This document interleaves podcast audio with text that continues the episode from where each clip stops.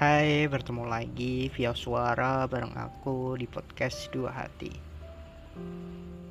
Malam ini aku mau bacain sebuah puisi dari sosok terkenal.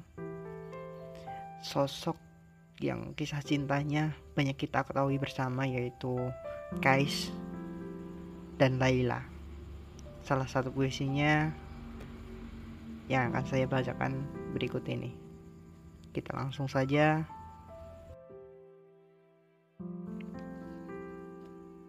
Berlalu masa saat orang-orang meminta pertolongan kepadaku.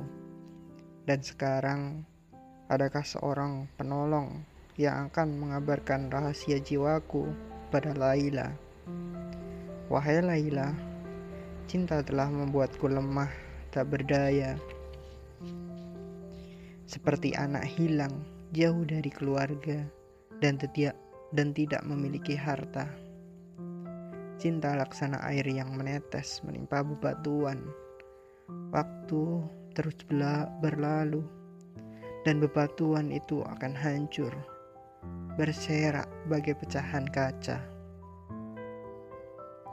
Begitulah cinta yang kau bawa kepadaku. Dan kini hatiku telah hancur binasa. Hingga orang-orang memanggilku si dungu yang suka merintih dan menangis.